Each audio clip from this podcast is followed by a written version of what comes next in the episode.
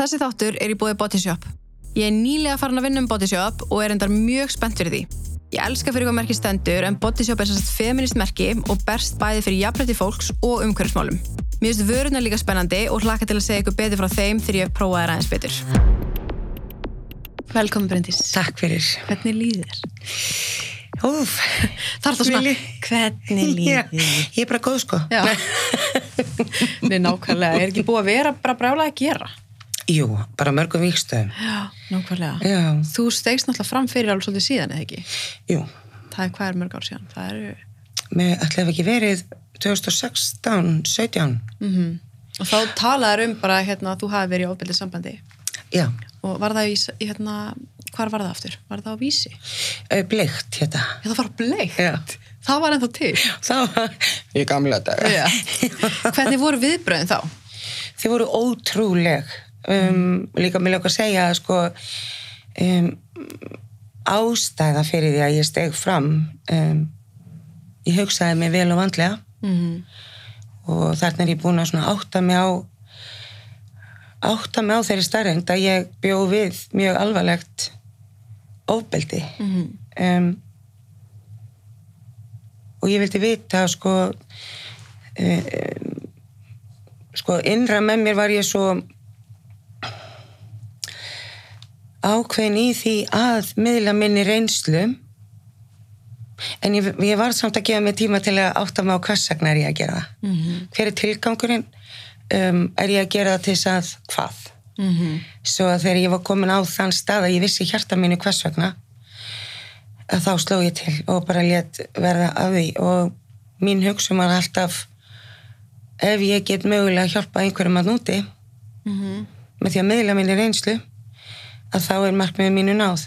Svo að viðbröðum voru mögnuð og um, óteljandi skilaboð þar sem að er verið að þakka mig fyrir. -hmm. um, og einni að svona að tjókvort ég gæti mögulega veit ykkur ráð.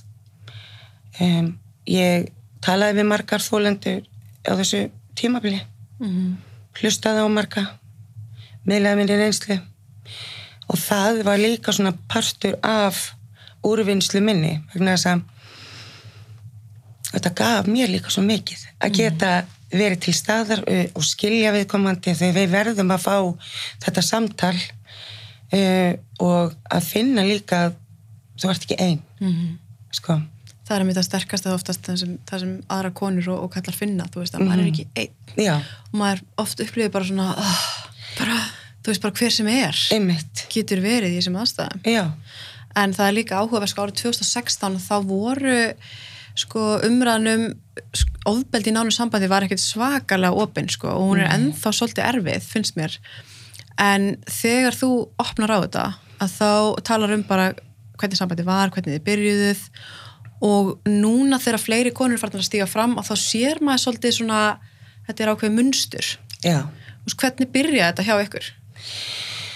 Þetta byrjar með alveg svona flugaldarsýningu sko. Það er alveg bara ég var á einhverju sko skærbleiku skýi og þetta var bara drauma prinsinn á hestinum sko sem kom bara brokkandi sko. Eða stökki, hvort, er flottara ég veit það ekki.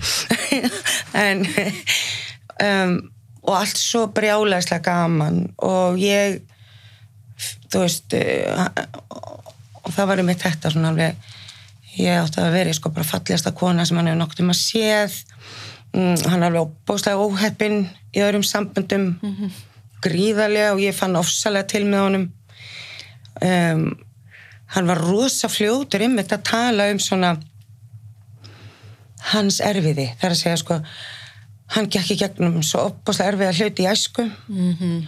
og þá sógast maður bara strax inn í það að, uh, að skilja hann ósælega vel eh, og ve- vera til staðar hjálpunum uh, samkendin alveg bara blossandi hjá minni sko. Og, og tala einmitt um sko fyrrum konur og basmaður og þetta er einmitt svona eitt af þessum rauðu flöggum sem að ég lærði allan á margt sem ég hef lært sko. En þetta er einmitt eins og svona ég segi svolítið oft við aðra ef einstaklingur talar illa um barsföður sinn eða barsmóður sína og eða úrst á fyrsta deiti mm -hmm. hliftubustu, guðanabænum um, en já það svona var þetta, var svona alveg í góða tvo, tvo rúma mánu með mig, það sem að var bara þetta var bara svo stórkoslegt og ég fer inn í og ég orðað oft sko ég lýsi þessu svona, ég lappaði sjálf viljug inn í gina og ljóni mm -hmm. ástæða fyrir ég segi þetta er að fyrir mér eru, eru ljón ofsalega falleg heitlandi en stórhættuleg og það er það sem að, að í raun og veru mist að segja bara svolítið mikið segi svolítið allt sem segja þarf mm -hmm. vegna þess að lengi vel skilum maður, lengi vel er maður í skömm lengi vel er maður spurður ítrekka hvað það spá mm -hmm. að vita allir að hann er ofbeldsmaður, það vita allir að hann er fyrir ítla með konur um, hvað það spá mm -hmm. Þú erum svona glata að smekka Ég fólk var að segja þetta við þig Já, já Þannig að það er svona það vökvaði skömmina mm -hmm. en e, sko hann var náttúrulega komin svo búin að finna aðra aður en að ég losna svona einn að gæsa lappa og þá er með þetta þessi umræða tekin upp aftur við mig. Hvað er hún að spá? Og þá þóttu mér ofsa gott að geta svara við komandi að ég skil hana vel. Ég gerði það. Ég fjall fyrir honum. Skilur við mm. mig? Þannig að Það er líka úrslega gott að þú sagði ráðan eins og hann sagði þú veist að ef flestið segja nota sem afsökun eitthvað sem þú lendir í kannski þegar þú varst ungur. Mm -hmm. Afsökun til þess að beita ofbeldi Já, það er eins og, að, sko, eins og ég sé það og hefur líka bara þú veist, í gegnum tíðin að vera bara svona fræða með mikið um allskynns svona mm. hegðun sem að en, þá er eins og sé búið að sko sá fræjum mm -hmm. svona um, uh, ég átti óbúslega erfið æsku þessi var óslega vonduð mig, þessi var vonduð mig og ég með svona að og ég menna, ég, ég gerði þetta sjálf þegar ég var að leita bara sjálfinu mínu þú veist, það maður gerir það mögulega flestir. Já, já. að þú veist, þú finnur ekki svarið þitt að þá, ah, það er þess að kenna. Já, eitthvað svona, að því að þú kannski áttar þig ekki á bara, ó, ég ætti kannski lítið speil. Mm -hmm. þú veist, mögulega, og já, fara innan við. En, en út frá einhvern veginn þessu, þú erum búin að sá fræðum svo svakalega mikið að að í raun og veru ég mann bara þú veist að þegar að ofbeldi fer svona að verða já mikið þess að þegar það byrjar að, að þá er það svo fljóta fyrirgefa mm -hmm. að því það var einhver ástæða útskýring já, já. Mm -hmm. það er alltaf eðlilegt að hann skuli tjúlast að því ég kefti vittlust ostykki mm -hmm. skilur að því að, að því að hann átt svo erfið að æsku eða eitthvað svona mhm og glataður fyrir hundi konur og eitthvað, gæðveikar auðvitað. það eru allar klikkar auðvitað. Allar gæðveikar og klikkar og ennþá ástsjúkar í hann sko. Um, þrá ekkert heitar hann að fá hann aftur. Allar fyllibittur, mm. allar lega hórur. Þetta er ótrúlegt. Já, ég veit það. Þetta er einmitt eins og hérna eins og segja þú veist það er allar klikkar og, og það er viljan alltaf allar já Já, já, hún er náttúrulega svo klikkað því hún er svo sjúk í kallin, sko. Og hún er svo klikkað, þú veist, hún er náttúrulega bara, hún veit bara náttúrulega að byrja aftur saman og hún er bara að hefna sín og þess, þú veist, eitthvað svona alltaf. Já, já. Hvaðan kemur þetta? Til hvað segir þetta? Þess að ég skilir þetta ekki? Nei, sko, það er óslega erfitt að skilja þetta og það er óslega erfitt að, en það er líka ágætt að við skiljum þetta ekki að því við erum ekki svona sjálfar kannski, mm -hmm. en mögulega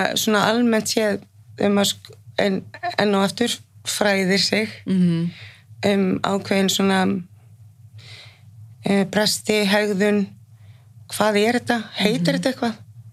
Er þetta heitir þetta eh, narsisismi meðal annars uh, heitir þetta hvað er þetta? Mm -hmm. bara, það er erfitt að segja en, en ef að manneska getur án þess að hika ef hún getur bara meittið og ónar ekki sitt, tekur ekki, ber enga ábyrð á því og réttlæt, réttlætir það fyrir sjálfu sér mm -hmm. uh, á einhvern hátt með einhverjum hætti. Það er bara mjög alvarlegt sko. Já, algjörlega. En á móti kemur er ég að skoða svo út frá mér líka. Mm -hmm. hvað gerði ég og hvers vegna? Hvers vegna samþýtti ég þetta? Hvers vegna opna ég bara fyrir þetta og, mér, og að, að, að mér fannst ég bara eiga allt saman skilið í raun og veru Svo er það oft búin að telja manni trú einhvern veginn um það að maður er að þetta kannski bara skili. já, það er, það er alveg strax gert Mm og Einmitt. Og þa- þið eru saman í hvað mörg ár? Þið eru alveg saman í, þetta eru þrjú ár sko, Já. já. og það gerist mjög hratt sko á þessum svo ótrúlegt, ég hugsa tilbaka þetta eru tvei, þrjú mánuði sko það sem að árið vissi af það var búin að pakka búsláðun og ég flutt heim til það sko þú veist og á þeim tímapunkti þegar ég er að ég var á svo skærbleika skýi og allt verður og svo gott og hann að hugsa um mig og Mm þú veist, ég var bara, já að þá skaust hann er, til, eða sérst erlendis til fyrirverandi til að reyna að fá hana tilbaka, sko, ég haf ekki hugmynd um það -hmm. Hún hafði ekki hugmynd um að ég var skilji, Já, já, eða já. þú veist, þetta er svona þetta er svo bilað, sko en hann var alltaf búin að ná þér hérna inn sko. Hann var alveg búin að ná að klófesta mig þarna, sko. Og alveg sama hvort þú hefði komið eða einhver, sko, sem ég treysti fyrir lífi mínu myndi koma og öskra í andlita á mér, reyna bolta mig niður, ekki gera þetta ég hefði ekki hlusta, Nei, nei. ekki fræðilegur. En þið, þið hérna, þú nær síðan að losa þig úr þessu. Já, ég næ sko, þú veist, ég, ég verð ófrísk bara mjög fljótlega, ég held að sé bara komið þriðja fjörða mánu bara í, inn í sambandi sko. Það var mikið skellur fyrir mig. Ég fann líka alveg, sko, þegar ég er flutt hana heim til hans. Og þetta gerist rosalega hratt, allavega í minningunni. Og það er þetta uh, líka, þú veist, þetta er eins og svona bara skólabókadæmi svona byrjar á því að uh, tala um hvað hann er og svona og hvað ég er frábær og meira áttur og æðisleg og fallegasta kona sem hann hafa nokt um að séð og loksins er draumakona komin. Uh, húf, þú veist, þetta er bara svona Allt öfga bara. ofbústlega mikið. Og og ég, mér, þetta voru svo gott að heyri þetta því þú varst það. bara að baða sig alveg bara í einhverju ekotripi mm, en sko þegar ég er svo flutt þarna inn og, og það gerist rosalega fljótt sko þess að ég finn bara hvað er ég að gera hvað er ég að gera? En ég man líka bara eftir þessu samtali oft það sem ég segi sko, þetta er ekki rétt þú veist. En það er ekki fræðilegur að ég er að fara að gefast upp sko. ég mun halda þetta út. Ég er rétta manneskjan fyrir hann. Mhm. svo að þetta er bara mín vinna núna í raun og veru. Svo ég er orðin bara svolítið eins og vinnukonna hans heimili og mjög fljótlega er ég þú veist það að, að ég, það sem að ég er leik og söngkona og, og þetta er svona mitt starf er að koma fram, syngja, skemmta og Mhm. hann var mjög fljótur að skemma það fyrir mér um, það voru atvik þegar ég var að spila á balli og ég kom heim og þá það var hryllingur sko því þá var hann svo vissum að ég hefði sofið hjá öllum meðlumum í hljómsveitinni og Bara svona þráhyggja fyrir bara algjör bílun og, og þetta er ég bara hóra sko. Í hans augum þarna til dæmis þarna er ég bara um, eftir til dæmis eina litla krútlega skemmtun með með þremum indislegum mönnum sem er á sko aldrei við pappa minn. Um, og ég er eftir það gikk sem var alveg dásamlegt og við erum að knúsast takka fyrir gott kvöld og svona. Og hann var þarna sko þannig að þegar heim var komið þá skallaði mig. Þegar hann var að leika þess að þú þannig að gerir svona ógisleg og hvað ert þú að faðma þennan mann og kissa hann á kynna og ég er þarna bara varnarlaus upp í rúmi og skallaði mig bara. Og jafnvel bara einhvern veginn búin að, ég minna líka það hefur örugglega ekkert skipt máli þegar þú sagt já eða nei. Það var Nei. bara, það hefur ekki skipt neinu máli. Það er oft líka bara að vilja einhvern veginn ég hef oft heyrt að þannig að þeir, þeir búa til eitthvað og það skiptir ekki máli þitt svar þeir eru búin að ákveða það. Já. Er alveg og það því ofta sem að hlutinir eru sagði við þig mm, og reglulega þá ertu farin að trúa því. Mm þannig að sko snemma, byrja mjög snemma þar sem að hann segir reglulega sko æ, uh, er svo vandrarlegt ástin mín þegar þú ert að kynna þessum leik og söngkonu. Þú veist, þú veist ekki hvað er erfitt fyrir mig að því að fólk í bransan mér alveg að tala við kallinn sko. Tala um hvað ert ömurlega lélega leikuna og erfið í samstarfi og vill enginn speila með þér þú veist, ástin mín svona. Új. og þetta segir hann reglulega sko, þannig að auðvitað var ég fyrir að trúa því -hmm. og minnum bótt að kendin og allt þetta bara svona uh, já, ég bara svona er eiginlega bara svona mölbrotin sko snemma -hmm. og eins um, og líka það að þú veist að skipti hann alveg óbúslega miklu máli að að vera vel vaksinn og og um, þannig að sko eftir ég eignast endislega drengin minn sko það er, það er, hann er viku gammal ég held á honum og og hann horfir svona á mig og hallar sig aftur og kúast og horfir svona upp og niður og segir okkur er ekki búin að koma þér í sama form og þú varst í þegar við byrjum saman? Þá var gott og gaman að ríða þér. Og svo alveg kúast svo, og svona reglulega kúast svona eftir þetta þú veist, horfða mig upp og niður og bara, bara ógæðsleg Mhm. í hans augum menn að já, þetta er svona þetta er nokkuð lítið svona en sem eru alveg risastór í stóra saminginu þú veist að þetta er svona taktík það sem múst bara markvist að brjóta niður einstaklingin já, sko. já. og einmitt einangrunin hún kemur mjög fljótt hana Mhm. og það er einmitt það sem er, sko, sem er svo bæði áhugavert og líka skelvilegt að samaskapja einhvern veginn þegar ég fyrir að fræða mig meira um svona hegðun um, að þá er þess að þetta sé sko skrifað bara, Eh, það er ekkert eins og það er. Þú getur fengið bæklinga bara eins og ég á stigamótum þar sem þú getur bara lesið viðkomandi byrjar á þessu, svo þessu, svo þessu þetta er bara svona kálkileita. Mhm. og, og það er einmitt þetta að, að hérna einangra þig. Um, og það er oft notað einmitt, þú veist, að sé aðferða fræði að tala svolítið illa og eða vera náttúrulega að tala illa um fjölskyldu þína. Og ég að trúinu fyrir alls konar sem að ég kannski ósátt við í minni fjölskyldu og slíkt. Og þá svona alveg bara að ég var það upp bara já, náttúrulega Mhm. skilur auðvitað þú veist að betra fyrir því að vera ekki samskipti við þennan og þennan. Og eins og bara með eins og þetta er alveg æðislega samskipti við fyrir um sko basföðu minn og fyrirvændi eigimann að og ég var einmitt að skoða ekkert fyrir svo löngu eldgamalt e-mail sem að, og mér brás og því ég las þetta. Og þá myndi ég eftir ég að þá sagt, þá hefði ég skrifað honum að já, hinum hinum að vinsamlega ekki verið samskiptu við mig. Nú er ég komin áfram í lífinu. Það er ógæðslegt og gagvart honum bara fullkomlega uh, ósangjant og vond og ég meitt hann og ég það eru svona hlutir um svona sem að maður tók þátt í um, algjörlega þú veist maður er bara svo í miklu áfalli í raun að vera Já. eftir svona, þú sko góð, ég tók þátt í þessu. Um, sko ofbeldið í þessu sambandi var orðið þannig að hann beitti ekki bara andlegu hann beitti líka líkamlegu og kynferðislega ofbeldi og mjög grófu um,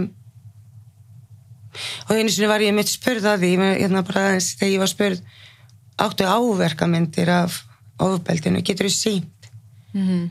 og fyrstu viðbröðum mín voru að segja það var ekki fyrst að nefna dættu í að taka selfies að mér með marblettina sko heldur er maður bara mjög fljótur að hugsa ég átti þetta auðvitað skilja því ég var náttúrulega ekki búin að kæla bjóruna svona vel Mhm. Ég var ekki búin að þrýfa buksunar hans eða og það, þannig var þetta. Það var, skiljur allt hvað heitir, fjárhúslegt öryggi var farið. Hann skamtaði mér bara peninga vikulega. Ég var alltaf að vera búin uh, að kæla bjórina hans uh, vel. Um, búin að þrýfa heitapottin fyrir hann og fylla að hann kom heim. Þetta eru svona atrið sem að urðu að vera tipptopp Mhm. uh, hann brjálaðist yfir því að ég eldaði ekki gúlasúpu frá grunni heldur kefti hann að tilbúna að hita hann upp. Eins og maður gerir. Fullkomlega eða viðbröð ekki satt? Nei, þú veist. Mm, ef ég borðaði rökkbrauð og það heyrist svolítið í því þegar maður borðar svona eitthvað hart trilltist. Bilaðist. Eðlilega. Mm, og ég var orðin bara vinnukonna Mhm. ambátt í raun og veru. Um, og ég geti endalust talað um atvik og atriði sem að ég veit ekki hvort það sé eitthvað endilega áriðandi að, að telja upp en en þessi, já, ofbeldið eh, bara mm, ógeðslegt mm. -hmm. vægast sagt og maður fer örgulega miklu frekar í reyna að fela það og hérna bara skömmin sér fylgi frekar en að maður fer bara þú veist að smetla myndum það bara, veist, það bara var ekki inn í myndinni hjá mér af því að, sko, ég átti þetta bara skilið Mhm. Ég hef líka alltaf orðið svo feitt mannst ekki, Mhm. og ógýrnilega allt þetta, þú veist, þannig að maður er bara svona og ég myndi þess að ég sagði við því upp að við maður er svo fljótur að fyrirgefa. Mhm. og drifkrafturinn minn var alltaf, ég ætla ekki að gefast upp. Mhm. þetta mun verða betra. Ég ver, veist, ég þarf bara standa mig betur. Ég þarf bara vera svona svona hins einn, eitthvað vinnaðsharðar Mhm. og, og þetta verður betra já, það er alltaf þetta, Já. það verður betra. Þetta verður betra og ég er ekki verið að gefast upp. Líka því þú segir eins og maður er alltaf svo fastur í því eins og byrjunin, byrjunin var svo góð. Við getum komast þangað aftur. Einmitt. þú veist, hann er þessi maður, þetta Já, er ekki hann. Þetta er ekki hann, hann er svo miklu álægi líka. Hann, er svo, hann er svo duglegur að vinna sko. ég náttúrulega mátti ekki vinna. Mhm. þannig að hérna, en þá næri hann að setja það líka ofan á. Þú veist, hann er vinnandi maður en ég er náttúrulega auðmikinn á heimilinu svo að ef ég var ekki búin að þrýfa allt húsið, hátt og látt e, og allt þetta sko. Einnig líka sko, þú veist, ég er ekkit ein uh, hann á fleiri basmaður Mhm. og það var einmitt líka um, ég trúði honum, ég trúði því að fyrir basmaður var ekki aðvikar Mhm. ofsalega mondar manneskjur opaslega mondar við hann. Og ég tók þátt í því. Já, ég tók virkan þátt í því að tala illa um þær ég hef aldrei hitt þær. Mhm. og þetta er svo, þetta er svo sorglegt þetta er svo mikið beilun en svo þegar að fyrir að líða þarna já, einmitt um, ég reyni sko að flýja uh, tvisar og hann nær mér í raun og veru tilbaka. Í fyrir að skipti var það bara ég var svo óbúslega hrætt að ég vissi hvað hvað var í vandum, hann var á leiðinni heim og litla vatni mitt bara pínlítið og hann ringir í mig og hann er á leiðinni og er í, í trillingskasti og ég verð bara óbáslega hrætt Mhm. og þar ringi ég í vinans sem að býr ekkert svo langt frá. Og ég þurfti ekkert að útskýra neitt fyrir honum. Mér stæði líka svo magnað sko, hann vissi bara. Hann vissi, hann sagði bara hvað ertu, ég kem og sæki þig. Mhm. mér stæði bara að segja bara allt sem segja þarf. Og ég fer, hann sæki mig og batnið og ég bara hendi ykkur honum tösku. Og fæ að vera heima hjá honum og, og, og fjölskyldu hans. En hann var ekki lengi að finna mig og, og náði mig tilbaka það var einmitt það sem hann tekur með hálstak. Það var það er einmitt eitthvað svona svo mikil styrlun Mhm. hann hann kemur askvandi trilltur og litla barnið mitt er bara í leikrind þarna hliðina á mér. Og hann er með eitthvað ásakanir ég man ekki hvað það var í raun og veru en hann tekur mig bara svona og ég man sko, þú veist, hann sko augun, andlitið augun eru bara eiginlega hálf svört sko og hann tekur mig hálstakki og ég er ég er ekki písl sko. En hann, þetta er sko krafturinn það mikill hann tekur mig upp og lappina dingla bara. Mhm. en einhver fítóskraftu verður þarna hjá mér. Og þarna kemur ljónin fram það sem er barnana, skil, þetta er barnametana Mhm. og ég næ að berja hann frá mér sko. En svo var hann svo opbúslega innmanna eitt kvöldi að ég varð að fara heim og það er ekki endilega mælt með því þegar maður er í svona smá endurhæfingu sko en að Mhm. tesla sér saman. En ég geri það. Og og svo e, setnum kvöldi þá tekur hann trelling og talar um þessa viðkomandi konu sem var góð vinkonu mín hana og var sannfærður um það að ég hefði verið að sofa hjá henni. Ok. Og ég man bara, þú veist, ég stend hana og ég er kasólétt og það var engi vegu fyrir mig að segja nei. Mhm. og ég líka, en ég var líka alveg bara þú hlýtur að vera grínast vinnur nei, ég var ekki að sofa hjá þessari konu. Ég var, nei, en skilur en hann held áfram og reyðin svo heiftin ógeðsleg sko. Mhm. hann vildi bara fá já. Já. En ég, eins og ég sagði á þannig að þá fer ég að gera svona hluti sem að fór í rosalega töðunanum það sem er náttúrulega fyrir töður og svona mönnu líka þegar um leið að þú ferð að vinna í sjálfri þér -hmm. og þú ferð að þess að rétt úr þér og þú ert að reyna að ná sko því að sjálfi mitt er farið á þessu tímpúti og ég eflist örlítið ég fer á halvan nónfundi mér finnst ég eflast örlítið því ég leiði mér að fara og hitta vinkonur eitthvað svona mm að það til dæmis þá verður litli kallin alveg ásalítill þá er hann að missa smá stjórn þá er hann að missa stjórn já. Mhm. og það er náttúrulega brjálast hann við því. Um, ég sett ekki björnuna sinni í kæli. Ég var ekki búin að þrýfa vinnufettin alls konar svona, eða er ekki svo skúra eða eitthvað, svona hlutir. Ég bara hætti því. Og einmitt talandi um þessa súpu sem ég sagði hann, er ástæða fyrir því. Það sem að gerði útslæði fyrir hánum sko, var að ég hitaði upp tilbúna gólasúpu ég hafði ekki eldað hana frá grunni þá fekk hann kallinn sko nóg og hendi mér út. Þar dró hann línuna? Abs, ég er ekki svolítið búin að fá meira en nóg. Gúlasúpan? Jöp, það er ekki öll villis hann eins. Nei, þetta er svona í grófum dráttum. En það var bara fínt fyrir var, ekki, var það ekki svolítið markmiðið? Jú, það var, ég var svona, yes, þú veist, ok, markmiðinu náð. Uh, en þannig er ég bara með litla barnið og hann var búin að taka allt af mér. Veist, ég átti ekki, ég átti ekki sófa, ég átti ekki stól ég átti ekki nýjabir, hann var búin að taka allt af mér. Þrjú skall í veskinu, that's it. En ég næ að fara. En ofbeldi heldur samt áfram. Mm og þá, og þá við tekur sko umsátur uh, hann bara fær mig og heilan í rauninni. Vildi vita hvar ég var allir stundum. Hann vissi í raun og veri hvar ég var allir stundum. Mm, eldi mig eða lét fylgjast með mér. Mm, ef ég svara hann ekki þegar hann ringdi þá var hann bara mættur heim til mín. Uh, þetta er ótæljandi sko atriði sem að er það þarna um, sem þú ákveður síðan bara kæra? Ekki þarna, þarna er ég ennþá opbáslega hrætt mm og þarna er ég bara ég þóru vall út úr húsi sko. En eftir uh, að ég leita til stígamóta þaðan fer ég í Bjarkarlíð um, og í millitíðinni fæ ég taugafall ég uh, ég fer, fer í gegnum svona áfallastreitum meðferð en það er þetta þú veist, ég er að að í, í þessum, þú veist, það eru þessar afleðingar, eins og ég segi áfallastreitan -hmm. Óruleiki innan með mér, óuryggið hræðislan álag. Mhm. og það var bara óbúslega erfitt fyrir mig að halda utan um þetta allt saman.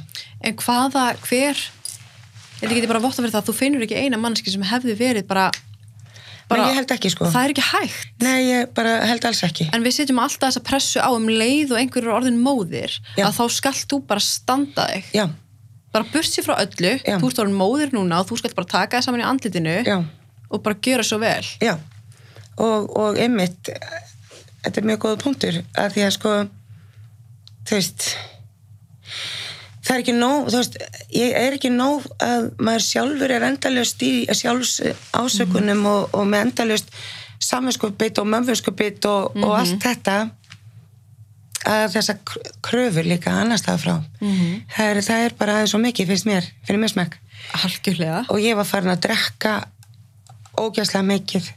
Ég var farin að loka mig af svona deyfa. Mhm.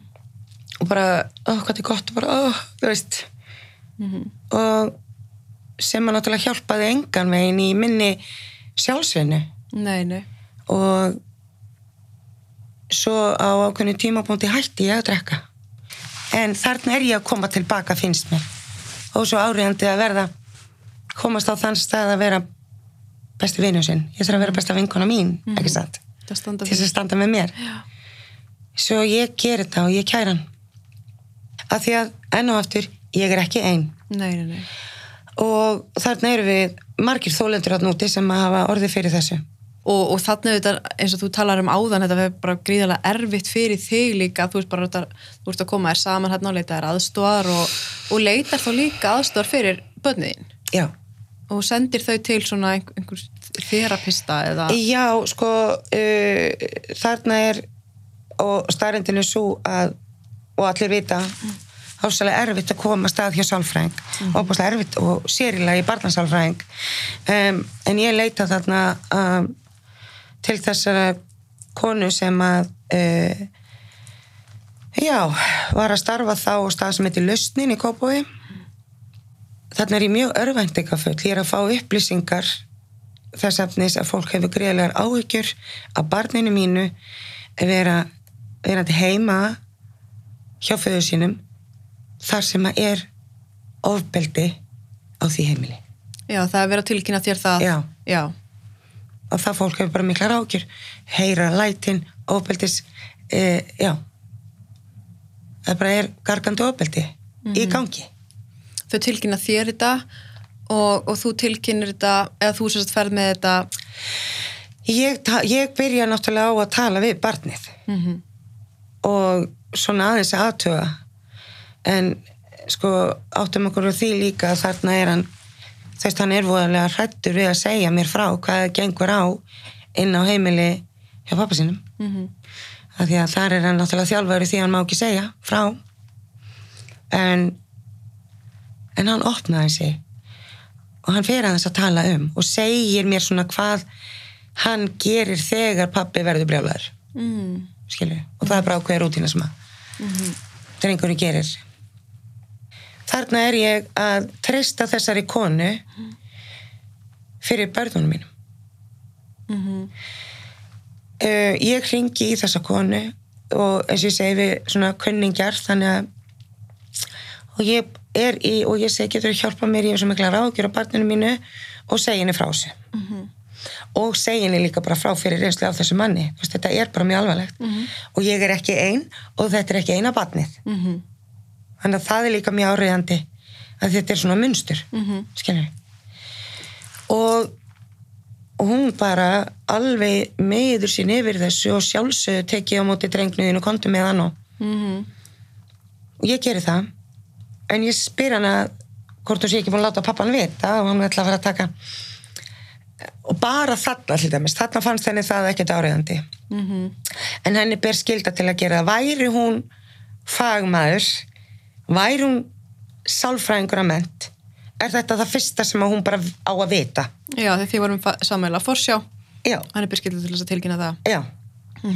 En ég ég er svona ítrekkað það við hann og baða hann um að gera það að láta pappan vita allavega og uh, hún svona byrjar á til dæmis að, að sko þú veist, láta mig vita að hún, að hún hafi látið hann vita og hvað hann hefði sagt. Og þetta, mm hún brýtur endalust á reglum, siðareglum nefndu það. Mm ég er ekki alveg að átta mig á því strax af því ég er svo mikið að hugsa um getur hjálpað Já, já. drengjum mínum? Getur fengið hann til þess að tjá sig? Mhm. vegna þess að ég sem móðir ég kann ekki að spyrja barnið mitt án þess að, að, að ef ég teka upp til dæmis Mhm. og ég kannski fer með upptökuna sem sönnu til barnavendar að þá getur barnavend sagt neða þetta eru leiðandi spurningar. Já, já, já. svo ég kann ekki. Mm svo ég leita til Hennar. hennar. En eh, hún er alveg þessu, þessu ferli er hún algjörlega sammála því að það er áhyggjaefni hún hefur áhyggjur af barninu. Mm um, og hún er, og er mjög duglega að tala við mig á á Messenger og Facebook og ringja og ég gætt ringt í hana hvena sem var sem er eftir að hyggja bara mjög ófaglegt líka. -hmm. um, og svo segir hún við með ákveðinu tímapunkti ég er að spá já, ég ekki bara ringja í kallin og ég segi við hana jú, jú, ég meina þú getur reynda, en ég ætla að vara þig við þetta er maður sem hattar konur eins og maður segir. Mm hann á eftir að ná þér. Hann á eftir að ná að snúa þig við og sannfærið um annað mm -hmm. eskilur manipuletta og gaslýsa og hún segir eitthvað svona nei, elsku, sko, ég þekki alveg svona típur sko. Þessi, þessi gæi nær mér sko ekki. Mhm. og hún meiri sagði líka og ég, og ég segi ok. Ef, þú veist ég treysti bara svo ringir hún í hann. Og hún ringir í mig alveg æst bara strax í kjölfari og hún var svo spennt að segja mig frá því hvernig það samtalaði færi fram. Mhm. ég ringdi hann og veistu hvað hann sagði? Það sagði alveg bara sko, heyri, ég er náttúrulega bara þjóðþektur maður og, og hún er bara að segja mér frá. Hann bara brjóta trúna hún er að brjóta trúnað allan daginn. Um, en það sem gerist svo um, það var ákveðin hlutu sem að ákveða aðtök sem átti sér stað í hennar starfi mm þar sem að ég var bara mjög ásátt við. Og ég óskaði eftir útskýringum. Ég óskaði eftir fundi minn, ég vildi ræða það en þannig er hún búin að loka á mig hún er búin að eyða mér á Facebook. Öll samskipt okkar, ég get ekki náð ég get ekki bara finna þau hvergi. Mhm. hún blokkar þið bara. Blokka mig bara svo ég að eðlilega tala við yfir mann, fólk uh, lausnarinnar hann í Kópaví hvart undan henni. Óska eftir fundi sem ég fekk Mhm. og uh, en ég fekk ekki að tala við hana. Nei. svo ég óskaði eftir en hún segir bara upp í kjölfarið? Já, það er upplýsingar fekk ég frá þeim. Að þegar þau svona vildi spyrja hann úti hvað, veist, hvað átti sér stað og annað þá bara snérum við á punktunum og lappaði út, sko. Bara hætti samstundi, sko. Og, og, og gott að taka fram að, bæ, að börnin þín eru náttúrulega undir lögaldri. Já. þannig að þú ræður náttúrulega yfir þið, þið bæði, ræðið yfir börnunum. Já. það sem er líka svo alvarlegt í þessu hún heldur samt áfram já, viðtals meðferðum við Já. barnið þitt. Já, þrátt fyrir að ég ítrekkaði við, við eh, sem skrifum manni Mhm. ég ítrekkað sko, segi ég kæri mig ekki um áframhaldandi viðtals meðferðir þrátt fyrir einnig að lögfræðingur minn skrifaði bref sko. mm hún held samt áfram en það var á öðrum stað, hún tekur barnið eða þau á þann stað sem að, að hún byrja síðan að vinna. já. án þín leifis og vitundar, já. Ég hef ekki hugmynd um það. Þannig hún skýlir sér bak við það að hún veri eitthvað að hjálpa barninu og, og gerði bara það sem barnið vildi Já. en gleymir að taka inn í þetta samkvæmt lögum þá má hún það náttúrulega ekki Nei. Og líka að hún sem enn aftur, ef þetta væri fagmaður þá hefði hún aldrei tekið skjólstæðing með sér Mhm. yfir bara á aðra stofu þú verður að klára vinnuna loka skýslum og byrja svo upp á nýtt skilur þú tekur ekki, þetta er bara það er allt rámt við þetta Mhm. sem er líka ógæðislega styrla í þessu samingi því að uh, þú sem, sem segir mér líka ágætlega mikið að þessi kona hefur náttúrulega samband við mig síðan ekki fyrir svo löngu Já. þar sem að ég kem ekkert nála þessu, uh, hef ekkert verið að tala við þig ópenbarlega neitt annan eða deila þessu máli eða neitt heldur er það einhver, einhverja aðrar en hún finnir sér knúin til þess að senda mér skilabóð ég þekki hann ekki neitt. Og segja mér trúnaðar upplýsingar um þig. Og þarna finnst mér þetta bara svo skýrt að þú veist, þarna er hún einhverju herrferði, ég veit ekki hvað þetta var en hún finnur sig núna til þess að segja mér frá hversu þú ert algjörlega byluð þú veist, nafngrinni þig og allt þetta og segist vera með börnin þín í hérna, meðferð og eitthvað svona. Þetta er svo surrealist. Þetta er bara, bara það eitt og sér. Já, En þá fer maður líka, þú veist, hún er náttúrulega ekki sálfræði mentu, þannig að það er ekki þetta að svifta hann einhverjum, hún kallar sig bara einhvern þerapista, en maður er samt bara svona, þú veist, þetta er ekki lægi.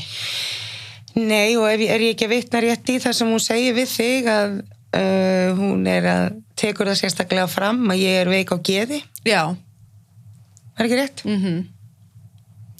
Sem er svo, þetta er svo galið, sko, að hérna, Og að ég sé óbyldismannskja, er það ekki? eitthvað svoleiðis Já. að, þú veist, að það sést nú bara, veist, eitthvað, að hún, að, eða sko, börnin þín hafi sagt það, eitthvað Einmitt, svoleiðis, sko. Um, sem er svo, þú veist, bara það eitt og sér að senda random fólki út í bæ, einhver skilabóð og, og hérna. Það, maður bara, þú veist, maður sér alveg Já, þetta er bara, þetta er, er, er graf alvarlegt þetta er svo rætið, sko. og svo nafngreinur mig við þig. Já, já, sem er bara, sem er rosalegt. Já, maður er bara orðlaus. Bara, ég er bara orðlaus. En skilur þetta bak að ég er að gera þetta fyrir börnin. Ég er að vinna fyrir Já, börnin. ég er að vinna fyrir börnin, segir hún, já. Ég segi það samt ítrækað samt, þú veist, þetta er, skiptir það ekkert máli í heila dæminu, það er bara samkvæmt lögum, þá, Mhm. þú veist þú ert ekkert einhver, einhver supermann þannig að reyna að eða þú veist, þetta er bara svo Já, þetta er, þetta er svo, þetta er svo galið á mörgum, á svo Mhm. mörgum levelum einhvern veginn og, og mér er haldið utan við þetta allt saman. Ég veit ekki til dæmis að hún er með börnum mín í viðtölum á öðru stað. Mhm. Svo koma einn tilkynninga til barnavendar og, uh, og ein af þeim er tilkynning til barnavendar frá einhverju stað sem, sem heitir fóreldrahús. mm Ég, ekki, ég hafði bara ekki hugmynd um að vera til og ég vissi ekki hvað fóreldrahús staði fyrir, skilju. -hmm. þar er hún að vinna Það er hún að vinna. Og ég kynni mér eh, fyrir hvað að skoða hvað, hvað er fóreldrahús. Og þar segir uh, meðal annars á fóreldrahús þetta er fyrir sem sagt ungt fólk sem er að kljást við sko hægðunavanda og fíknivanda þar var hún með svon þinn í meðferðum átt ára. og þá hefur væntalega einhver skuttlað honum þangað Já, mm akkurat. þetta er svo Já, og þarna er hún sko komin á þann, þennan, þetta er rosalegt sko, vegna þess að þegar hún lokar þarna á mig á sínu tíma um, og þá er hún orðin sko í raun og veru rosa góð vinkona og maður sér það sko eftir á. Ég er bara svona einhvern veginn, á þessu tímpúti var maður veginn ekki bara þessu. mm, sem er, sem er líka alveg fyndi sko að því að ég hef ekkert verið að hérna, læka að tjá mig að neitt samkvæmt þessu máli en einhvern veginn í, á einum eða tveim dögum eða þreim dögum þá sendir hún mér náttúrulega skilabó og svo náttúrulega kjölfarið sko Einmitt. og þau öll að varpa á mig einhverjum upplýsingum og sanna fyrir mér að hérna, þú sérst sko algjör bara þú veist geðsjúkur ofbeldismæður þau þekki mig ekki neitt. Þau vita ekkert hvað ég, hvort ég viti eða ekki. Og þú veist, mér fannst þetta bara svo þannig eru þau augljóslega að vinna saman eitthvað sko. Já, þannig en oft, ég geti ímyndað mér að maður er, maður setur heima á sér þú í sér stöð og hugsar, þú veist, já, þú veist, þessir eru- þau eru að vinna saman, þetta er plott gegn mér og eitthvað, þú veist, gjör, maður þau gjör sannlega þangað. Já, og er bara svona, þetta er of, þú veist, ég get ekki svo sagt þetta upphátt, þetta er svo klikkað. En síðan er maður bara með eitthvað á svört og hvítu veist, og það hlýtur að vera góð tilfinn líka þegar maður hugsa bara svona, þú veist, ég var ekki veist, ég var ekki já. Ég, fáraleg ég var ekki, þú veist, það sem ég var að segja hljómaði náttúrulega algjörlega galið, sko, en Mhm. akkurat þegar þetta kemur svo bara upp á yfirborð, ég menna þau afhjúpa sig sjálf Mhm. í raun og veru, leita til þín skrifa það sem þau skrifu, ég menna, þú veist, hann náttúrulega fer einhverjum hamförum þarna bara skrif eitthvað um þig um að þú sést sko svona og hann hann, hann skrifa sko ég ætla bara að láta þau vita eitthvað. Ég er ekki ofbeldismæður og ég mun vonandi aldrei verða. Já, og svo eitthvað í kjölfarið bara hérna þú veist að hvað hann er frábær og flottur og ef ég vilja heyri í honum að þetta er númerið og eitthvað. Og ég get sko síntið skjáskot frá henni og hún er sko algjörlega klikkuð. Ég satt þarna, ég mann hugsa þetta. Ég var bara, í hvaða veröld fer ég og hitt einhvern mann einhvern gamlan mann og bara, en hann er að sína mér þessi skjáskot hérna, þessi fyrrandi basmaður ekki alveg klikkuð, þú veist hvað hakkir fyrir þér eiginlega? það er bara eitt, ég hef fengið svona áður frá mönnum að reyna að sannfæra mig um og sína mér einhver sammyggislega skjáskot þú veist, þetta er bara, þetta er ekki fyrsta skipti þetta leikrit er bara þú veist, þið getið hætt þessu þetta er alltaf sama, sem mm önnsendar hann þetta já, alveg þú veist, sem er alltaf sama Svo tók hann dæmið. þetta tilbaka var tók hann ekki- tilbaka. Þú veist, En var samt væntanlega, já, hann var að byrja ósk eftir því að þú hittir hann Já, til ég þess bara að númerið skoða- hans. Vá, þú veist en þetta er svo síðan, bila þetta er svo bilað. Þú veist, bara hættu. Einmitt.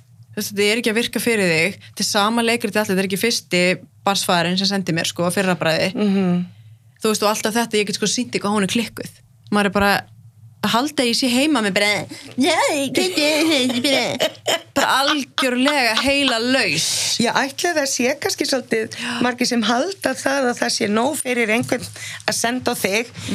Þú veist, bara ég með sögu. já, bara ég með sögu.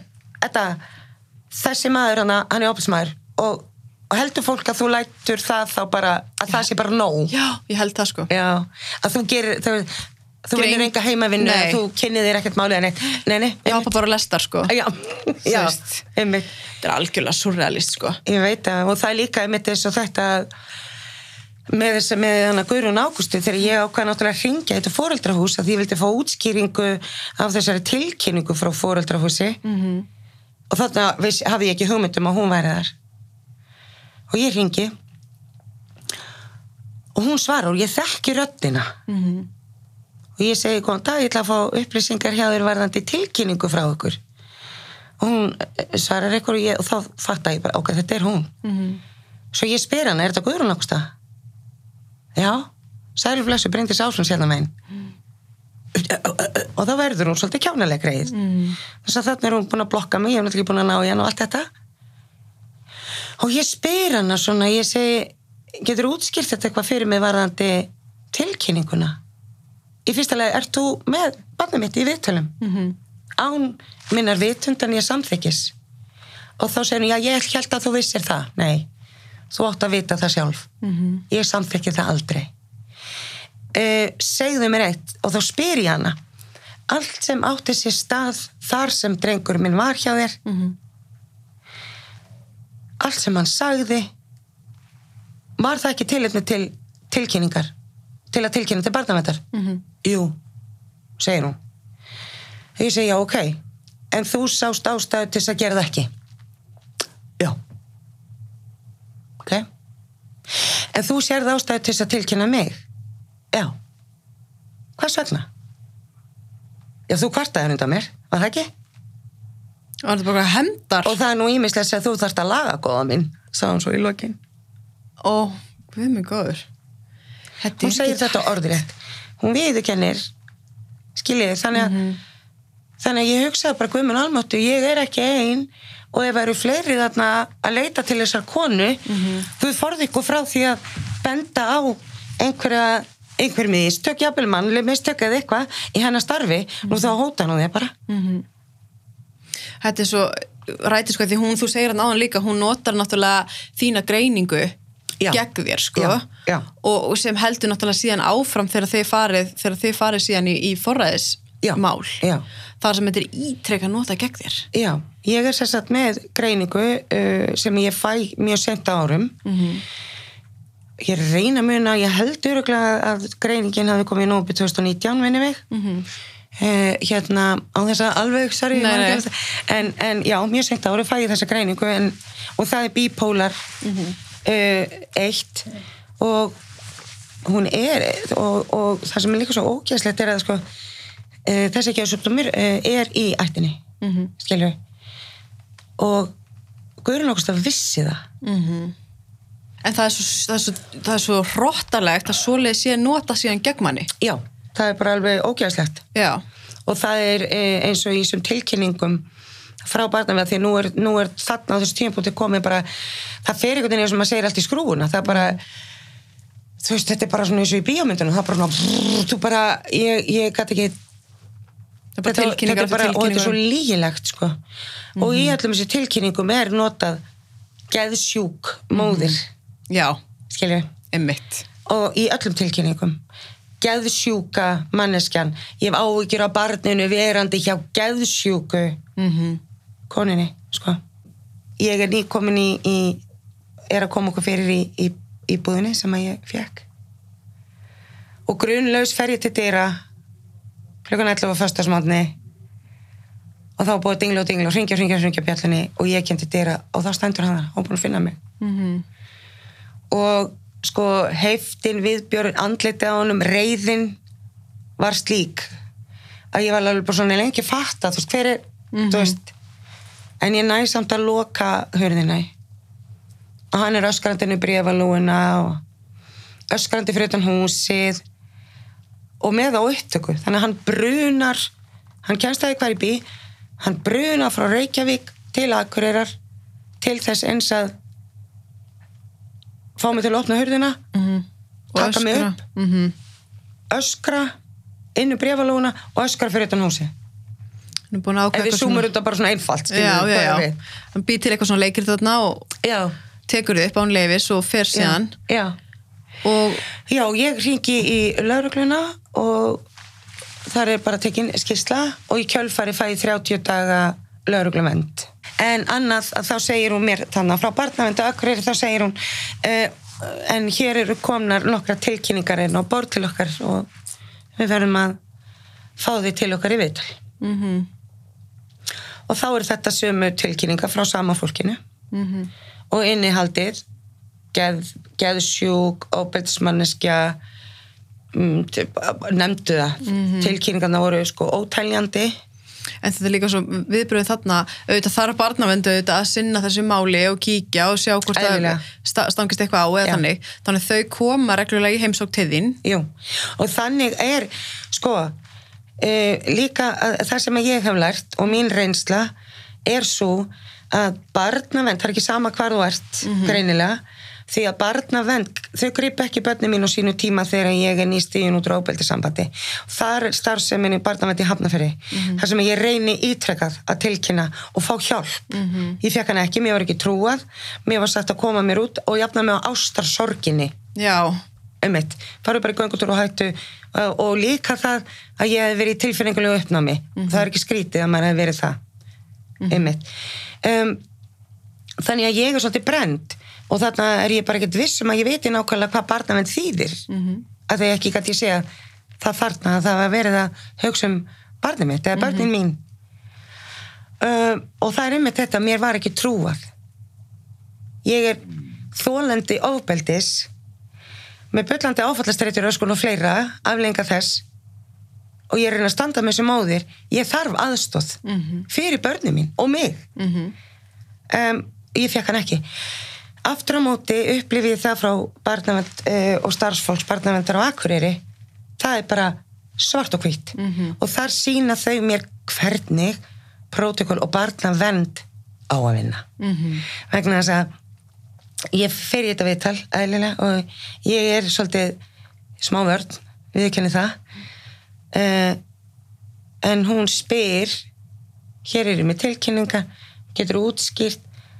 Og ég segi, veistu að ég líti á þetta sem bara fjölskyldu harmleik mhm, þarna eru fólk sem er blóðskilt mér að tilkynna mig til barnavendar þarna er fólk sem er blóðskilt mér sem að vitnaði í kærimálinu mínu þegar ég kærði viðkomandi á sínu tíma. Mhm, svo að viðsnúningurinn er gríðalegur þetta fólk sem er blóðskilt mér er núna að vinna hörðum höndum með óbelsmanninum mhm, að gera allt til þess að taka barnið af mér. Mhm, og innihald þessar tilkynninga er eftirfarandi, hættuleg gæðsjúk móðir. Mhm, svona til að mynda. Mhm. svo er bara svona alls konar. Mögulega, áhyggjur af barninu verandi um sjá gæðsjúkra konunni og hún er mögulega komin í sprautuna allt eitthvað svona mögulega en enginn Mögulega, vissi. E, e, og með öllu líkindu býr hún með vafasömu sömu manni, mér finnst þetta mjög áhugavert. Mhm. og hún kemur reglulega til þín ekki? Jú, svo kemur hún og hún náttúrulega útskýri fyrir mér í ljósi þessa tilkynningar, þetta eru bara þungar og alveg tilkynningar Mhm, að þá uh, verður við að og þá heitir þetta barnavenda mál mhm. en þegar, en þegar hérna uh, barnandi er búin að vera hérna hjá þér og búin að sjá að það er allt í góðu og þau eru búin að gefa rosalega góða, gott feedback, hefur maður segja það Já. að uh, síðan er fengið matsmaður til þess að gera skýslu uh, á þessu tíapúti fer hann fram á lögheimilisbreytingu og þar tekur við veist, eh, þar þurfti ég að mæti dómsal, etc. Dómari sá enga ástæð til þess að breyta lögheimili. En úr verður að, að, við, að ég bætti við og, og tók sjálfsög vel í það að bæta við, auka degi við Mhm. að, að, hérna, umgengna aðra mm helgi. Og, og, og, slíkt. Þannig að ég, veist, og ég hef alltaf sínt fram á er og líka það, það stendur í öllum gögnum. Ég hef alltaf verið samvinnu þýð og samvinnu fús hvað var þar umgengni. Akkurat, sko. En þarna e, stefnir á mér og fer fram á fjöldfaraði mm -hmm. þarna tekur eitt helvítið við til viðbótar. Það er matsmaðurinn. Já, hann, hann bóðar sig en sem sagt hann ég átti sem sagt bóka hjá honum sem átti, átti náttúrulega bara að vera sálfræði viðtalið í raun og veri og það var á þriði dög klokkan halv 11 mætti hann heim til mín og fór heima frá mér átta og halvum klukktíma setna mm þar sem hann tekur bara viðtalið hann tekur sálf, sálfræði prófið eða persónleika prófið og viðtal við svoniðinn og, og hann gerir bara þarna allt. Og notabenni hann tekur ekkert þessu upp. Nei, nei, nei, nei. hann tekur ekki með þessu upptöku heldur hann hlustar bara á þig Já. og stólar sig að það að hann getur bara munað allt saman keirir síðan frá Akureyri til Reykjavíkur og skrifar þá viðtalið upp í rauninni. Já, og það er, þetta er svolítið áhugavert sko, því hann var hann í átta tíma hjá þér. Já, og eftir átta tíma, ég get ímyndað mér þegar maður er búin að viðtali í átta tíma maður er öruglega drullu þreyttur. Ógeðslega þreyttur. En í þessari og líka, líka það upplifi ég það var ekki óbúslega þægilegt að fá ókona mann heim til sín. Og ég þurfti að þvinga mig í raun og veru til að segja allt, vera, vera eins og ég er meina, ég átti bara að treysta ókonu manni fyrir minni sögu. Mhm. en ég gerði það. Og heiðarlega og einlæglega.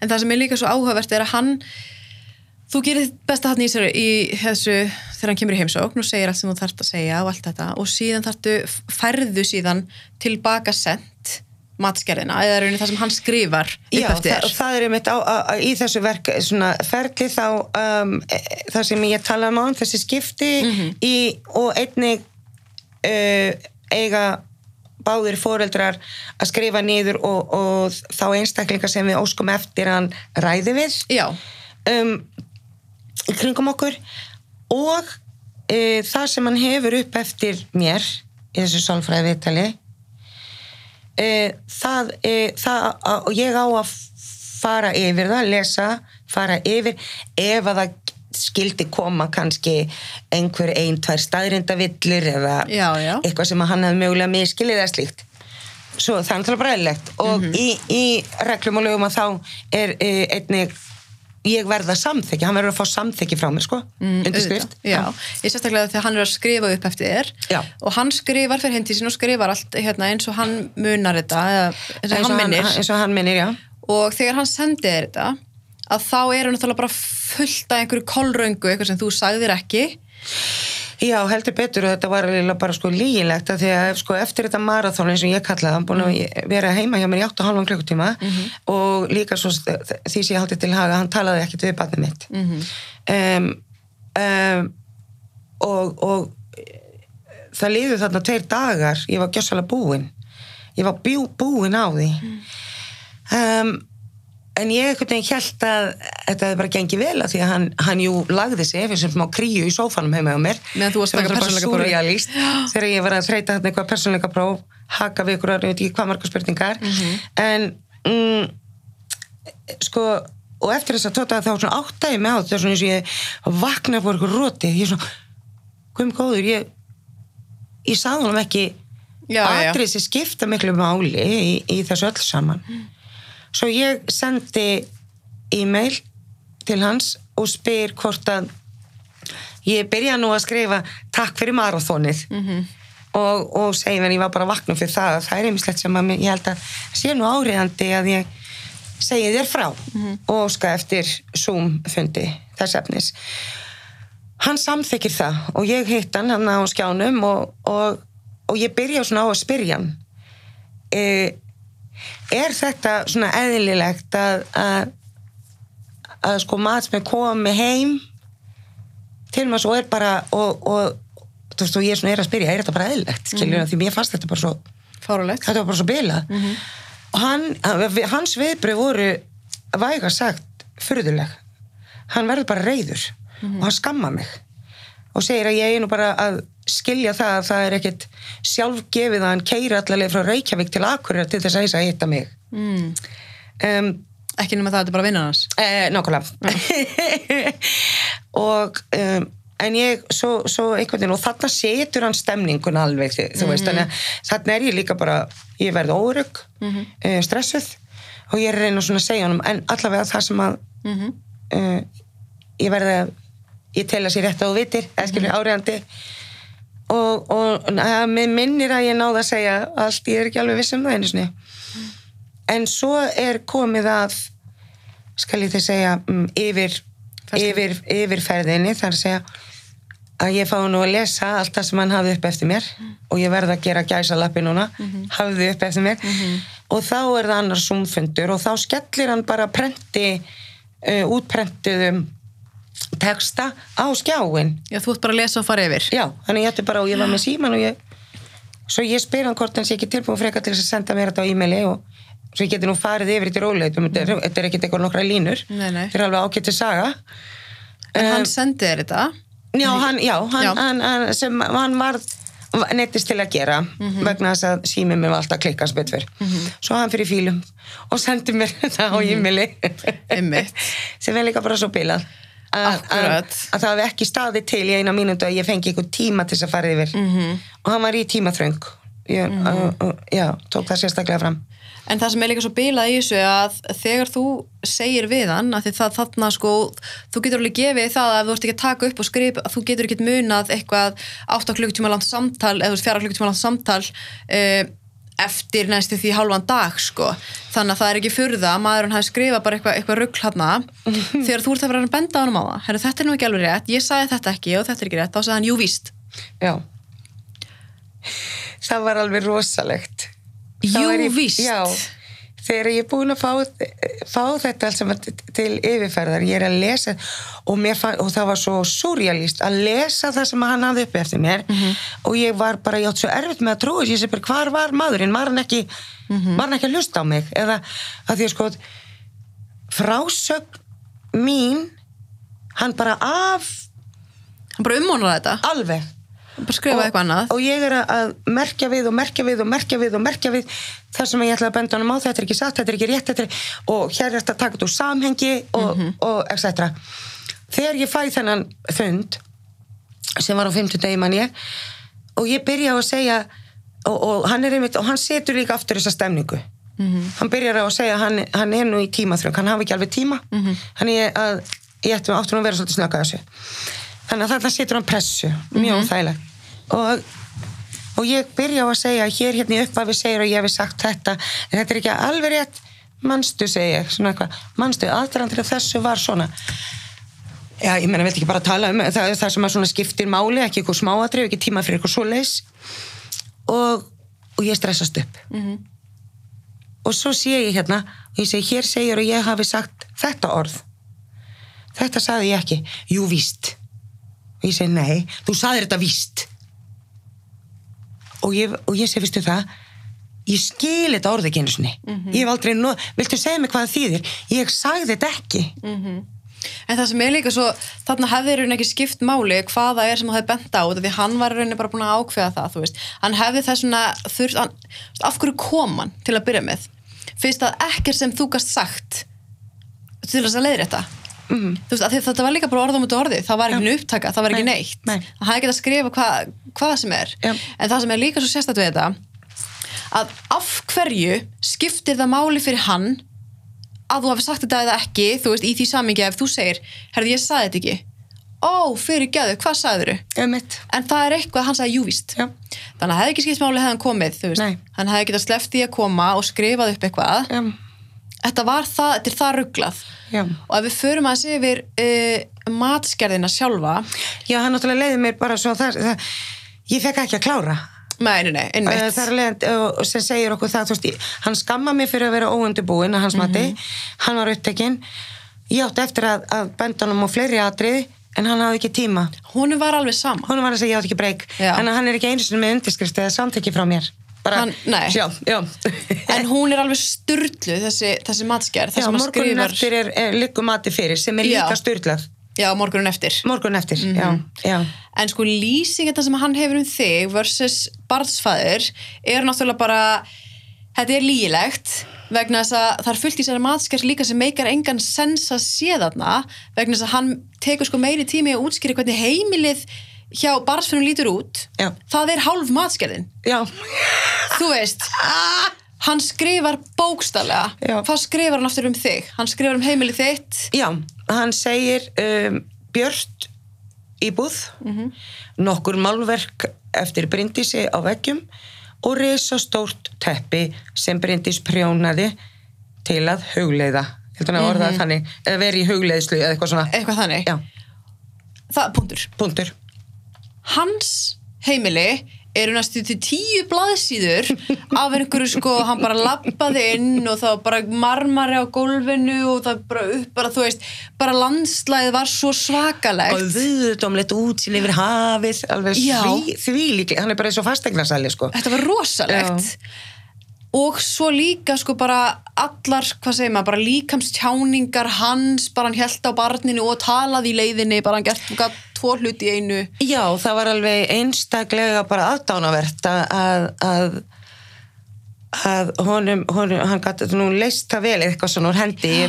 Orð, orður rétt manni þetta nú ekki alveg en Nei. þetta var einhvern veginn svona að eh, að, að, að hann svona eh, í einhverjum aðdán og lýsingar orðum hversu um, Hann hélt á hann barni. já, það var einstaklega eitthvað svona lægin við það að halda á unga barni þeirra ásamt því að halda upp í samræðum. Já, einnig var bara stórfenglegt að fylgjast með því að hann kifti sér ekki upp við það að barnið hans guppaði á öxlin á veist, það er súrjálist að lesa Það það er er- bara að lesa þetta. Þú veist, ég var bara takk fyrir að gefa mér efni upp í stand Já. þetta er bara rugl. Þetta er bylun en þetta er svo líka því þú sagði hann í byrjun að matsmaður er, er útlæðar út af matsmann, matsmanni og hann á að vera hlutlaus. Já, uh, hann getur örugglega alveg búið, já ég var hlutlaus. En að lesa þetta, það er bara svört og hvítu það er ekkert hlutleysi Mhm. Nei. í þessari matskerð það getur hver helvita maður séð það. Já, og þannig erum við náttúrulega bara að tala um einhver nokkur atriði úr matinu. Bara í, já, smá, það, bara pingulítið en það sem er líka svo súröld að hann alltaf upphefur hann rosalega í sér í matsker bara þú veist, hann var svo flottur og nátti skrifstöðu hér og hann var í gera svona á þessi business og þetta og hitt, þú veist. Og bara hérna, þú veist litlistakunum kom fagnandi og hljó, hljópa á hann og hann leið svo vel og bara þú veist hann er aldrei bara, bara á æfinni svona brósmild sko herðu, þín matskerð um þig það er náttúrulega greinir hann þig 8 klukkutímum með persónleikaröskun já, einmitt hann greinir það Mhm. og hann segir við þig sko að þú hafi falskar minningar Mhm. af ábyldi hann, hann trúir ekki þínum þinni frásögn Nei. hann skrifar það, Já. ótrúverulegt Já. ótrúverulegt mm ég ætla bara að lesa upp hann það sem hann hefur um þig um, í matskerinni það sem hann basically segir Hann segir, uh, matsmaður telur ásakanir Bryndísar bera keim af fölskum minningum. Þessar ásakanir hafa ekki fengið staðfestingu og laurugla feldi niður kærumál hennar. Bryndís er sannferðum að þetta, um þetta og hefur tekist að sannfara sumt fólk. Það er erfitt að greina í þessu hvað er tilbynningur og hvað sannindi og vísbyrningar eru í um að umræða gæti þarna hafa leitt til falskra minninga. Uh, hún segi, hann segir líka að uh, hann trúið þér ekki út af því að þú sért í eftir sjá og hemdar hug eftir sambandslit við hann þá. Já, við basfæðurinn og þú ert náttúrulega uh, með geðkvarasíki sem gerði þig viðkvæmari en ella fyrir að taka, fyrir að taka trúanlega tilgáttur um ofbeldi af öllum tegundum. Hann, hann þetta er svo surrealist. Hann, og, hann, og sko pluss það hann segir sko hérna hún finnst ekki líklegt, hann spyr er það líklegt að barsfæðir þinn hafi getað tuskað þig til svona auðveldlega uh, það sem hann er þó sterkur en þú ert það líka.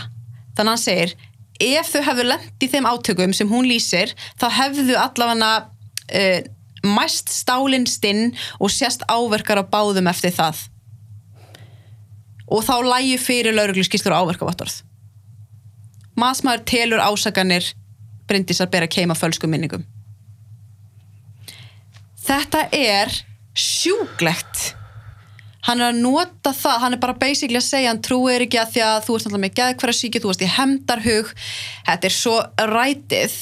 Þetta er sama rustið og var 1980 og þú veist bara hún lest dóma.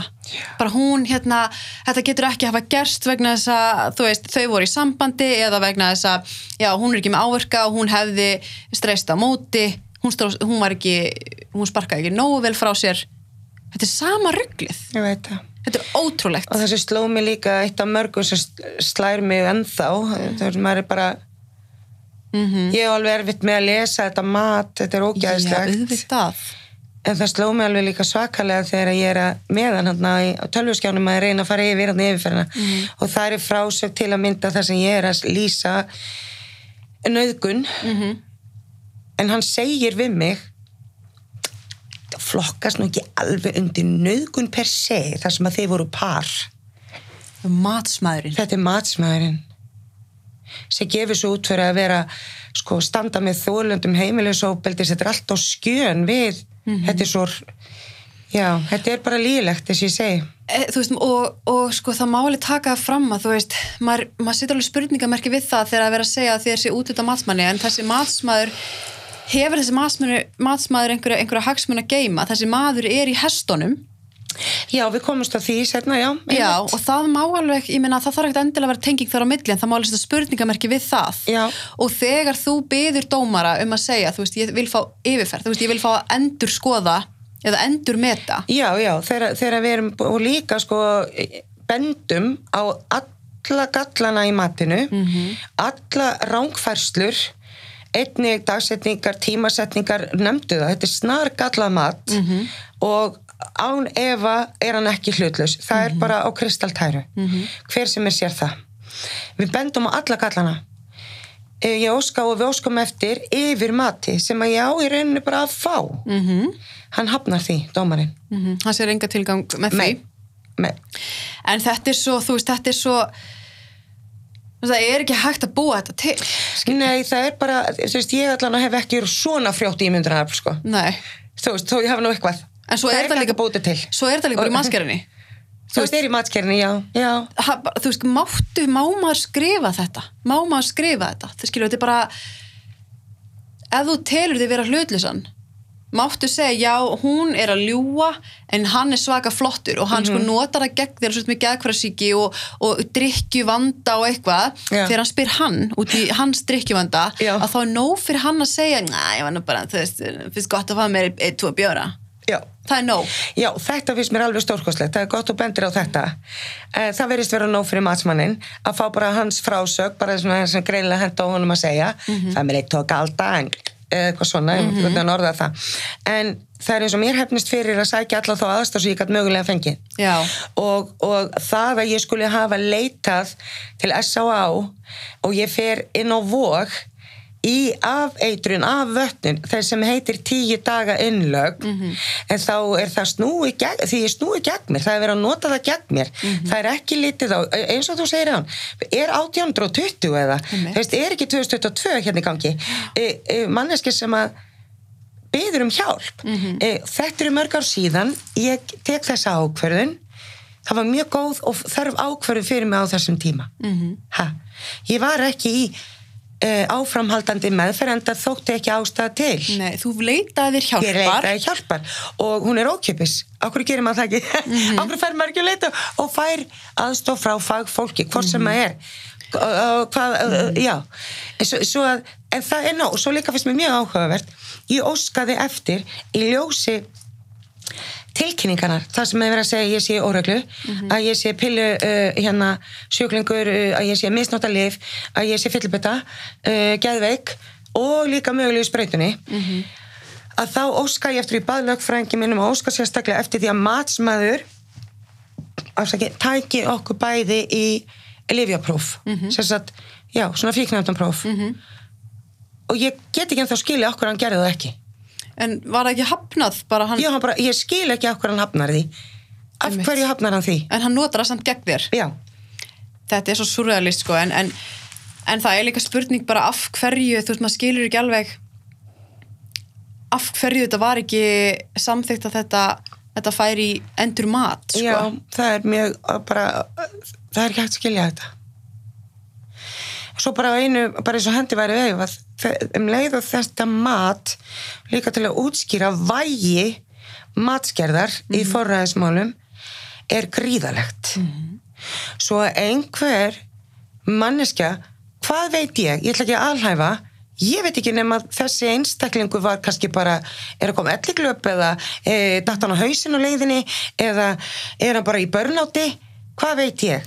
Er hann- er, hann, er, er hann komin á þann stað bara í lífinu, hann ætti bara að gera svo hætta ég veit það ekki, en eitthvað er það þó, en það Já. er þann er ekki hlutlist, það skal, því skal algjörlega haldið til haga, það sem ég er að reyna að segja líka, og ég er ekki svo eina. Nei. þess vegna kem ég hinga til þín mjög þakklátt fyrir að vera bóðin hinga til þín um þess að mér finnst ég bara ekki ég get ekki annað en sagt þess frá. Ég það er meina- bara það er, það er að matskerð hún vegur gríðarlega þung í forræðastelum þar er leiðandi eh, getur og eins og í mínu tilfelli matskerðin ógeðsleg. Hún lítur ógeðslega illa út fyrir mig. Pappin hann er settur á svona bara stall. Hann er bara svona eins og Óskarstittan bara. Mhm. bara glampandi þú veist.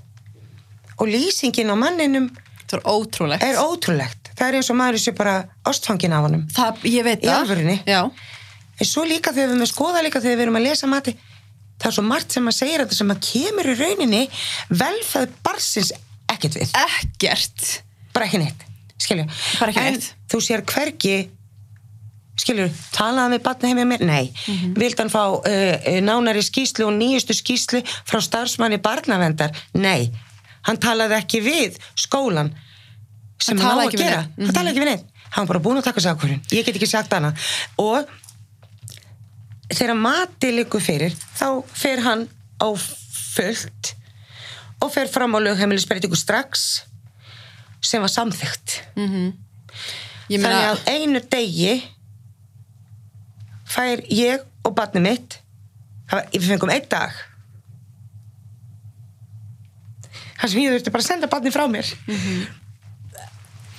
þetta er svo súralist að, það, að við er skulum bara- búa í þannig kerfi þetta er bara svo galið sko að við getum, uh, það getur verið höfðamál og það er einn, tveir menn Já. það eru tveir menn hann getur skrifa matskerð út frá sínu eigin minni og bara sínu eigin höfði Mhm. skrifa hana uh, neita fyrir sko að leiðrétt hana senda hana til dómara dómara les matgerð segir bara nei, við, ég vil nú ekki láta ég nenni ekkert, ég hef ekki tíma eða hvað sem það var vil ekki láta yfirfara. Þetta er bara tveir menn þetta eru tveir menn þetta eru tveir menn sem getur gert allt í rauninni Í rauninni, já. í gróðum dráttum. Já, í gróðrættum og svo náttúrulega þegar aðal meðferðin átti sér staða þá þá eru á vittnalista bara og þá náttúrulega ég, ég fekk náttúrulega heyra það í upphafi e, áttu vittnin hans bara með að því ég bara eiginlega verða að segja frá þessu. Um, fólki á vittnalistanum hans og líka þessir einstaklingar sem að hann, þann vildi að matsmaður talaði við. Fyrir utan sambýliskonu, núverandi sambýliskonu hans þá var listin bara af fólki frá minni fjölskyldu. Mm -hmm. sem að bara og nú held ég áfram, þetta er lígilega saga en og, og þetta er náskilt mér sko og þetta fólk var meira þess að tilbúið til þess að e, bera vittni í aðalmálinu gegn mér En ekki sem til að byrja með fyrir nokkrum mannstu Nei, ekki þegar ég kærðan og, og þar voru þau svo guðslefandi fegin að ég hef loksins losna undan svo ógíslega óbildisambandi frá Já. svo hróttalegu manni sem að þau vissu alla tíman Já. að var óbildsmaður. En þetta er nákvæmlega sem ég, ég manna hérna Gabriela Bryndi sagði einhvern veginn þegar hún komið í viðtaltíminn og talaði um sko persónleika rösku, svo narsíska persónleika röskun. Þetta er það djúbstætt ofbeldi að þegar við erum að tala um narsisista að það náðir að snúa öllum gegn þólandanum. Já, Þetta er svo lígilegt.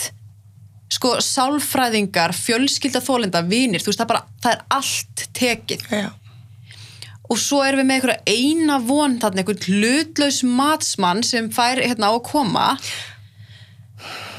sem er bara sama, þú veist, þetta er bara, þetta er ekki þetta er ótrúlegt. Já, og svo náttúrulega með ekki gleyma manneskjunni sem er búin að vinna undir fölsku flaggi í, í heilbyrðiskerðunum Guðrún Ágsta sem er líka þarna. Þannig að þetta er og, og, og sko í aðal með, mál, málsmeðferðinni er emitt þessi Guðrún Ágústa. Og sko vi, vi, vitnin e, það var bara tekið svo ákvörðu það ætti ekki vera vinnur og vandamenn -hmm. heldur, heldur sérfræðingar. Mhm. og hans vitnalista það er þessi Guðrún Ágústa. Titlu sem sérfræðingur. Mhm. um, og veriðist vera sem svo að þessi dómarar þrýr voru ekkert að kanna það sérstaklega. Nei, nei. þó svo það væri búið að, að benda á en ok. Um, og þú verður að þú sverð, þú ert að sverja sérst eið, þú verður að segja sannleikan í dómsal. Mhm. hún, ger, hún, hún sver er hraðlígur Mhm. hraðlígur afleðingar Engar. með Þetta er svo, þetta er svo styrla líka þegar þú segir að sko, erum við bara að fara, erum við bara, maður heyrði, já, erum við bara að fara að trúa því að það eru bara allir sem snerist gegn henni og hún Akkurat. er veist. þetta er ógislegt Þetta er ógislegt. Býtu, ok, býtu, Mhm. af hverju eru allir allt í á móti þér, Bryndís? Mhm. Það er þú ekki aðeins að líta í, þetta er ógist, þetta er að versta sem Mhm. þú gerir þólanda.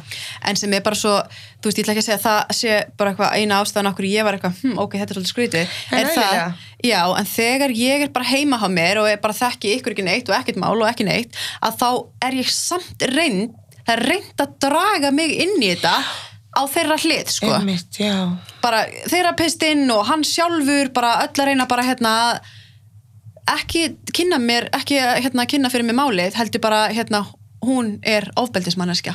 Bara ég er ekki ofbeldismæður, hún er það, hún er það. Þú veist þetta er bara, þetta er ótrúlegt og mér finnst bara sko galið ef þetta á að, að fá að viðgangast Já, ef að þetta er og ég er þá búin líka að, að afla mér upplýsinga og staðrindin er bara sorglega svo að ég er ekki svo eina. Mhm. Það eru mörg svona málað núti. Það sem mæður og börn eru að missa. Þetta er hryllingur. Þetta er hryllingur. Og það eru, það, er, það er fólk sem að hafa þessi völd Mhm. eins og til dæmis matsmenn og er að rústa, eigðilegja. Þetta er bara hryllingur. Það þarf þó fyrr hefði verið kerfið þarf að fara að gera það í brók á mörgum vikstöðum og ef að kerfið ætlar ekki að hlusta á okkur þólendur hvað eigum við þá að gera? Spillingin er slík. Ekki ég held að það hefur bara fullkomin loka orð hjá okkur. Bara takk aðeinslega fyrir að koma og hérna, Takk fyrir mig Við, við heyrum samt alltaf bara á gramminu Já, já, við erum náttúrulega Bandakonur ah, banda, er, eh, eh, eh, Ertu ekki bandamadur minn?